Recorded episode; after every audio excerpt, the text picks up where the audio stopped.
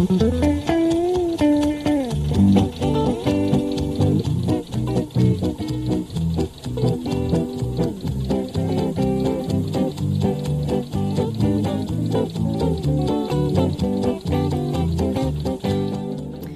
och välkommen till Traktorpodden. Det här är podden som bara handlar om veterantraktorer och det kan bli hur nördigt som helst. Jag heter Helena Wenström. Och jag heter Lars Wernersson. Du är ju redaktör för tidningen Traktor, ett magasin för jordnära entusiaster. Det är folk som verkligen älskar sina veterantraktorer. Det blir härligt det här att verkligen få frossa i gamla traktorer även i en podd. Eller vad säger du Lars? Ja, intresset för gamla traktorer är så stort så det är klart man ska ha en podd i ämnet också. Eh, när jag började som redaktör på tidningen för ett och ett halvt år sedan så visste jag ju att intresset var stort. Men att det skulle vara så här stort, det var en överraskning för mig faktiskt. I det här avsnittet så ska vi ju ge oss ut på en traktorspaning. Vad är en traktorspaning egentligen? Ja, man åker helt enkelt till ett ställe någonstans i landet. Det kan vara en socken eller en kommun eller en älvdal eller något annat geografiskt område. Och så tittar man efter traktorer. Man ser helt enkelt vad som finns längs vägen. Och så knackar man på och ser om traktorns ägare är hemma och så frågar man om han eller hon vill berätta om traktorn och så tar man några bilder. Och det hela blir så småningom ett reportage i traktor. Sådana här traktorspaningar har vi haft i varje nummer sedan tidningen eh, började ges ut i slutet av 2007. Berätta om din bästa traktorspaning. Vi spanar ju inte bara i Sverige, vi kan göra det även i grannländerna. Och den spaning jag tänker på ägde rum på ön Replot i Österbotten i Finland. Det visade sig vara rena traktormäckat. Eh, alla har ett litet ställe där, många äger lite skog, alla eldar med ved och behöver en traktor för vedhanteringen och för snöskottningen. Och alla var väldigt eh, trevliga och tillmötesgående där så att den spaningen minns jag särskilt väl. Alltså alla hade traktorer, var det verkligen så? Ja, faktiskt. Det, det var fascinerande. Många hade dessutom eh, ett eh, fritidshus på någon ö ut, längre ut i skärgården också och eh, så körde de traktor dit på vintern över isen. Så att det fanns, det fanns traktorer överallt. Det var jätteskojigt att se det. Gör du alla de här spaningarna helt spontant? Man kan göra på lite olika sätt. En del är helt spontana, det vill säga man åker på vinst och förlust och ser vad man eh, hittar. Eh, men ofta är det ju bra om man har förberett lite, det vill säga eh, om man har någon kontakt på stället som har någon eller ett par traktorer och så känner den personen oftast någon granne eller någon annan som man kan fara vidare till och så sköter det där sig självt egentligen. Jag gör ju inte alla spaningar på egen hand utan jag har ju hjälp av mina företrädare på redaktörsposten Göran Svensson och Kjell Engström och de har ett knep, de letar efter gula vägskyltar, alltså skyltar som leder in på enskilda vägar. För där vet de att där finns det ofta traktorer att spana på. Den här gången ska vi ge oss ut i mellersta Skåne. Jag kan utlova en hel del överraskningar även om det här inte är en helt igenom spontan spaning. Vi ska nämligen börja med att leta oss fram till en traktorsamlare som Lars har fått tips om. Han heter Mats Eriksson. Nu piskar ju regnet på här ordentligt. Hur ska det här gå? Ja, det är inte helt idealiskt. Det här är ju lite för sent på året egentligen att göra en traktorspaning. Vi är nu i slutet av oktober och då får man räkna med att vädret är så här. Eh, det hör ju till sakens natur så att säga att man måste göra de här spaningarna under den ljusa årstiden. Så sparar man de här reportagen så man har något att trycka i tidningen som utkommer i januari och, eh, mars och eh, kanske ända fram i april. Så, men väder styr man inte riktigt över. Men vi får väl se hur det går här helt enkelt. Vad är det vi ska köra av? Ja, nu kör vi från Lund och vi siktar på Löberöd och vi ska leta på en avfart vid Hurva här så ska vi svänga av där. Vi kommer fram till byn Sebbarp och stannar vid en gård där vi tror att det är. Mats Eriksson ser vi inte till men i köket så står hans fru Lotta Arnt. Hon bjuder på kaffe och medan Mats kommer in och han och Lars sätter sig ner vid köksbordet och börjar prata så inleder Lotta och jag ett litet samtal vid diskbänken. Jag är själv uppväxt på en bondgård och var intresserad av traktorer och köra traktorer framförallt. Eh, sen jag var liten. Eh, men sen så när Mats blev så intresserad av veterantraktorer så, ja, så blev det mer och mer. Och vi var ute och körde på eh, jag vet sådana cruisingar och sånt där utställningar och sånt och så följde jag med lite där och sen blev det roligt. Sen började jag själv köra och sen ja, så på den vägen är det. Så, Vilken traktor kör du helst? Ja, 50-20 John Deere är min favorit. Den är stor, mäktig och den är, den är liksom lätt att styra och man har bra koll över, över utsikten så att säga. Den trivs jag bäst i. Och när vi har hund levde, så vi hade en sån stor schäferliknande hund, så åkte hon alltid med mig eh, vid sidan om eh, där framme. Mm. Vad gör du med veterantraktorerna? Jag gör inte så mycket mer egentligen mer än det är Mats som sköter all service och allting sånt där. Det kan väl hända någon gång att jag putsar av dem och vi ska göra något speciellt. Men annars är det mest att jag hoppar upp och kör. Eh, så det är inte så mycket mer för mig. Sen händer det någon gång att eh, vi faktiskt använder veterantraktorerna också när vi håller på med lantbruket. Och eh, till exempel om Mats håller på att tröska och så blir det en liten, en liten sladd kvar. Då, då tar jag 50-20 och kör ner med det till, till där vi lämnar säden så kör vi det tillsammans. Så lite grann i, i, liksom, vad säger man, i jordbruket också använder jag faktiskt det 50-20. Om man ser till veterantraktorträffar och så, så är det ju väldigt många män, inte så många kvinnor. Är du också ute på sådana träffar? Ja, Ja, men jag kan säga att jag har nu varit med nu i, när började vi? 2008 eller någonting sånt här. Då var det nästan inga kvinnor alls som körde. Det var nästan inga kvinnor som, som var intresserade. Nu ser du mycket mer om du jämför. Unga tjejer kommer gärna lite piffigt klädda och sen så hoppar de upp i en gammal traktor och så kör de själva. Innan det åkte tjejerna mer. Men det kommer mer och mer. Vad kul! Mm, Vad är det för unga tjejer som är intresserade av veterantraktorer? Det blir min spekulation i detta men jag tänker så här att det handlar, det handlar nog om tjejer som eh, har träffat någon kille eh, som är med i ett gäng där de har det, är, håller på med lantbruk eller något sånt och så hänger de med på det och så tycker de det är coolt. Eh, tror jag. Och killarna tycker också det är lite coolt när tjejerna kör. Sen tror jag faktiskt också att det är mer så att att i samhället överhuvudtaget att, att tjejer mer tar de här platserna också och är intresserade av de här sakerna. Man, tittar man på eh, mekaniker eller lastbilschaufförer och sånt så är det ju mer tjejer där också idag. Så jag tror också att det, jag, jag känner inte, jag känner inte någon trak, kvinnlig traktorsamlare. I så fall är det man och kvinna. Men jag tror inte jag känner någon som, är, som samlar på traktorer. Är kvinnor och män intresserade av olika veterantraktorer? Jag kan bara svara för mig själv. Jag kan, jag kan inte se något mönster men det jag, det jag kan tänka mig är ändå att som jag, jag tittar gärna på utseendet, eh, fin färg, eh, formen och lite så. Och det jag, det jag ser med männen det är ju ofta Åh oh, wow, vilken motor, vilka avgaser och kolla däcken! För att inte snacka om hur de låter. Och det tror jag är lite skillnad mellan män och kvinnor. Men det är min egen tolkning kring det.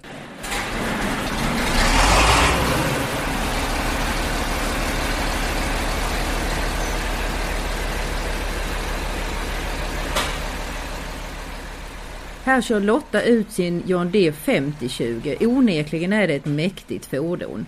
Och sen tar Mats och berättar om hur han på ett högst oväntat sätt köpte Lottas traktor med hjälp av sin kusin.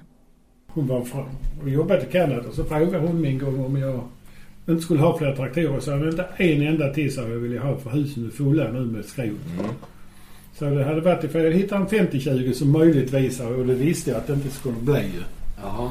Sen rätt så ringde hon en kväll. Så jag har hittat en 50-20. Ah, du snackar, sa jag. Jo, min gamla arbetsgivare i Kanada han står på en auktion där ska de sälja en sån. Och eh, ja, sa jag, sa, men hur ser den ut? Jag vet jag inte, sa hon. För hon var ju i Sverige. Jo, jag har han i andra telefonen och jag kan fråga honom hur den ser ut, sa hon. Men du får skynda dig för det är två rop till sen säljs den, sa hon. Jag, jag satt i lastbilen. Nej. Jo. Du hade fått jo, jag hade fått, en... Nej, det var väl senare. Det var när jag hade köpt den. Jaha, okej. Okay. Det var när jag hade köpt den. Mm. Sen sa jag, för jag satt i lastbilen, då sa jag se till han bjuder lite försiktigt på den då. så jag hörde ju hon prata med andra än andra. Ända på telefonen så... Sen resten så bara sa hon, så nu äger du en 50-20. Ja, tänkte jag. Så jag körde rätt in på första bästa parkering och stannade. Tänkte vad fasen gör jag nu? Tänkte jag, det jag får ju skicka iväg pengarna och försöka glömma detta ju. Och inte berätta det för en enda människa för jag kommer aldrig få hem den ju. Ja, det var ju ett ovanligt sätt att köpa traktor på. Och visst fick han hem sin 5020 med hjälp av en annan kusin som handlar med maskiner i Nordamerika. Men det här var inte den första traktorn som Mats Eriksson köpte. Hans traktorsamlande började med att han ville ha en traktor som han mindes från sin barndom. En John Deere G. Men det var inte så lätt, så han eh, samlade under tiden på en rad andra traktorer och letade vidare efter en G. En av de som han hade kontakt med flera gånger och gjorde affärer med eh, var John Deere-profilen Nils Gunnar Fredriksson i Staffanstorp, inte så långt ifrån där Mats och Lotta bor. Sen var det ju inte någon GD heller ju. Så jag fick ju fortfarande inte ro i kroppen. Och då hade jag ju lärt känna han eh, Nils Gunnar rätt så bra så vi blev kompisar ju. Så en gång när han var inne i USA så eh, hittade han ju G-traktorer och en hel massa andra. Så jag tog hem en hel container. Och då fick han ju ta med en traktor också för han hade lastat dem och sånt till mig.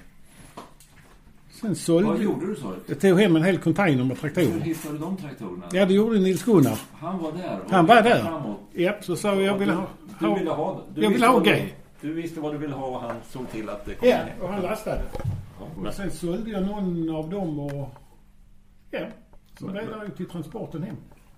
Jaha, men då, då var du ju fast. Ja. Då, då, Men sen var jag ju Men- rätt så nöjd för det var ju en sån traktor Ja. vi hade haft när jag var liten ju. Men sen... eh, Ja. Sen var det ju fler traktorer som man hade haft när man var liten ju. Det var ju en bison också ju. sen har det bara löpt på. Mats berättar ju så många historier, hur många som helst om sina gamla traktorer. Det är verkligen en rejäl samling, eller hur Lars? Ja, vid sidan av den här eh, fina John Deere 5020, 65 års modell, så finns det ju en hel del annat. Eh, den här 5020 är en väldigt ovanlig modell. Det är en sexcylindrig eh, traktor som enligt Mats bara importerades tre stycken av. Tre svensksålda alltså. Och så har vi ju naturligtvis tittat på den här tvåcylindriga John Deere G, den som var liksom upphovet till Mats traktorsamlande. Och vid sidan av den så finns det ju också en John Deere A och B. Och när vi går runt i husen och tittar så ser vi också en Case WA, en Ford från Låglund, en Farmal A och en BM10 och en David Brown. Och så en IH 966 som var den första traktorn som Mats köpte för att använda i jordbruket. Här finns också en Bison. Eh, Det var ju också en sån traktor som Mats eh, tidigt visste att han ville ha i sin samling. Hans är en 67 och en av de absolut sist tillverkade. Sen så sa han ju också någonting om, som lockade oss lite om en raritet som vi kanske kunde ta och spåra upp den också. Ja, han har haft en eh, mycket ovanlig Hanomag. Eh, men den har han sålt, men den har inte hamnat så väldigt långt bort. Så den ska vi försöka spåra upp lite senare i spaningen. Eh, jag måste också nämna att ehm, eh, Mats och Lotta har en väldigt fin målning i verkstaden. En muralmålning av en John Deere-traktor som en eh, grannflicka har målat. Ja, Mats kom ju igång ordentligt med sitt berättande. Men han och Lotta undrade ju också hur det går till med ditt traktorspanande, Lars. Själv så säger Mats, han skojar ju om att han ständigt är på traktorspaning när han är ute och kör över hela landet med lastbil. Det som är utmärkande för de här traktorspaningarna det är ju att ingen blir sur. Jag har väl knackat på i hundra stugor ungefär och kanske hälften är hemma. Och det är bara en som har tackat nej. Alla andra blir så glada. Det är lite konstigt. En vild främmande person säger, kommer in och säger Jag ser din traktor här ute, får jag ta några bilder på den? Och du kan väl berätta om den, så skriver jag om det i tidningen. Ja, visst, säger alla. Alla säger ja, visst och tycker det är roligt. Så att det är något speciellt med gamla traktorer. Det väcker glädje hos Ja. många. Ja. Och sen tror jag att också det man vill, de, tycker så himla mycket om sina traktorer. Man vill gärna prata om, då är det då någon som kommer och vill lyssna för det är inte alla som vill lyssna på det är traktorer. få. Ja, så är det då någon själv som kommer och säger berätta om dina traktorer. Yes! Alltså jag tror det. Det är mycket det också. Mm.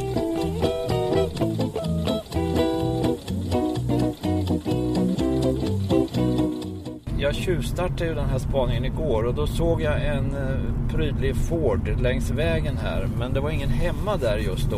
Och nu tänker jag att vi ska åka förbi där och se om eh, vi kan knacka på. Så vi får prata lite med ägaren. Den här traktorn hade en så fantastiskt rolig dekal i bakrutan. En som jag inte hade sett förut.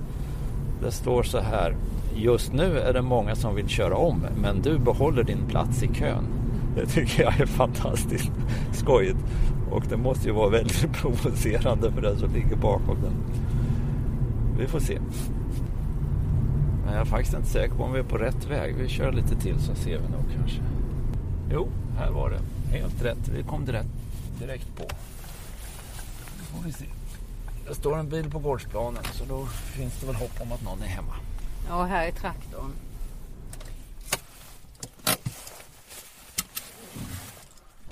Ja, det var ingen hemma där nu heller.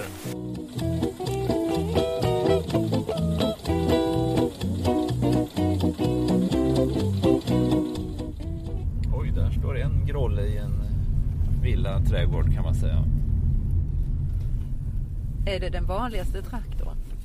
Ja, det tror jag nog. Dels eh, tillverkades den ju i mer än en halv miljon så den är ju vanligt förekommande av det skälet och sen är den ju Eh, ja, liten och behändig. Eh, människor som eh, kommer ihåg en traktor från sin barndom minns ju ofta en grolle och då är det väl så att de, om de tänker sig att skaffa sig en liten traktor som hobby så blir det oftast en grolle. De är ju som sagt ganska lätta att få tag på. Och det finns mycket delar och det finns grolledoktorer över hela landet som kan hjälpa till och sätta en, en traktor i dåligt skick i, i bättre skick. Vad är en grolledoktor? Ja, det finns ju en, en grolleförening och de har ett sorts nätverk över landet där med grolledoktorer. Det är alltså personer som har stora kunskaper i hur, man, hur en grolle fungerar och kan hjälpa till med att ge råd om hur man ska fixa olika saker om man har problem med sin traktor. Så det finns sådana över hela, hela landet. Men alltså är, de ungefär... är de självutnämnda eller är de någon slags auktoriserade grolledoktorer? Jag vet faktiskt inte om de är legitimerade på något sätt men eh, det är ju jag förmodar att det är ganska stränga krav. Det är inte vem som helst som kan bli en grolledoktor. Jaha, nu är vi snart framme vid någon korsning här. Var, vilket ja, håll ska vi på? Det har jag ingen aning om. Vi får nog eh, titta i telefonen här igen och se ah. vart vi ska.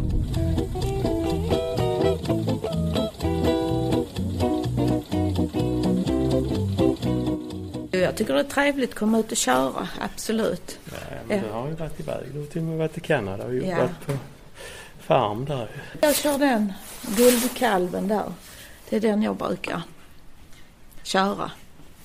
Guldkalven ja. Vi har farit till Rosmarie Frank Palm och Johan Palm i Oderup. De visar in oss i det före detta grisstallet där det står ett antal grollar, trodde jag. Johan rättar mig. Det är grå Ferguson 35 med den guldfärgade motorn. De som kallades för guldkalvar. Johan har en 57 och han har just sålt en 56 och den står fortfarande kvar på gården. Guldkalvarna tillverkades i stora antal under en kort tid mellan hösten 1956 och sommaren 1957 när de grå Ferguson-traktorerna blev röda Massey Ferguson.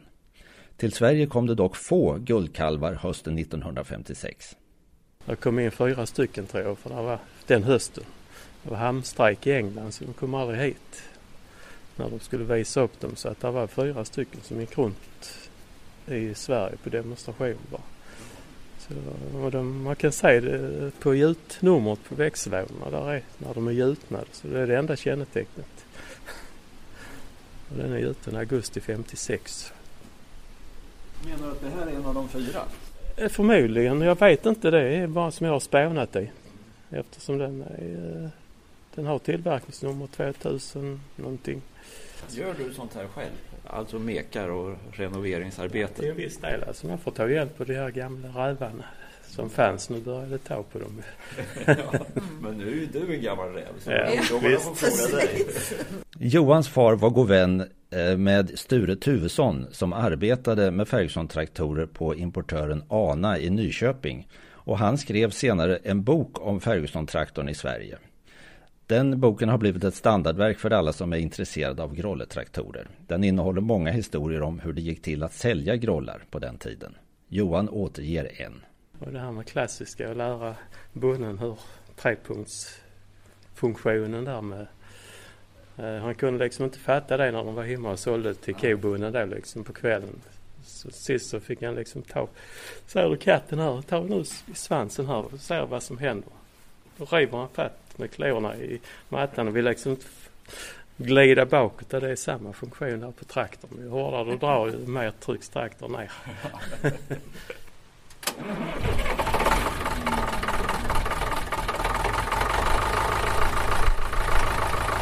Vi avrundar besöket hos Rosmarie och Johan Palm med lite farmalljud från Johans Farmal EMD 50 från 1954.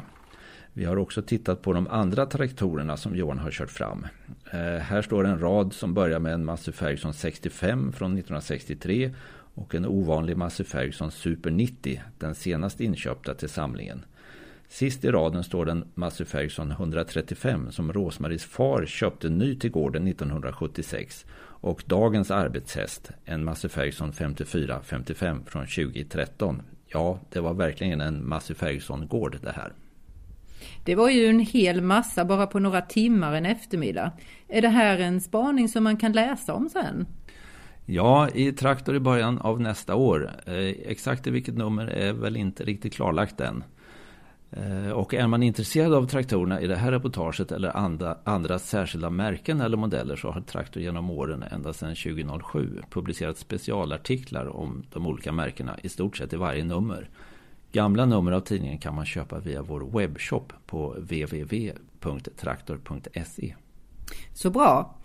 En av de där eh, märkesspecialerna handlar ju om den tyska traktorn Hanomag som faktiskt är rätt ovanlig i Sverige. I nästa avsnitt av Traktorpodden så fortsätter vi den här spaningen på jakt efter just den Hanomag som Mats Eriksson sålde. Det ska bli spännande, men tack för den här gången. Ja, tack så mycket för att ni lyssnade och hej då så länge.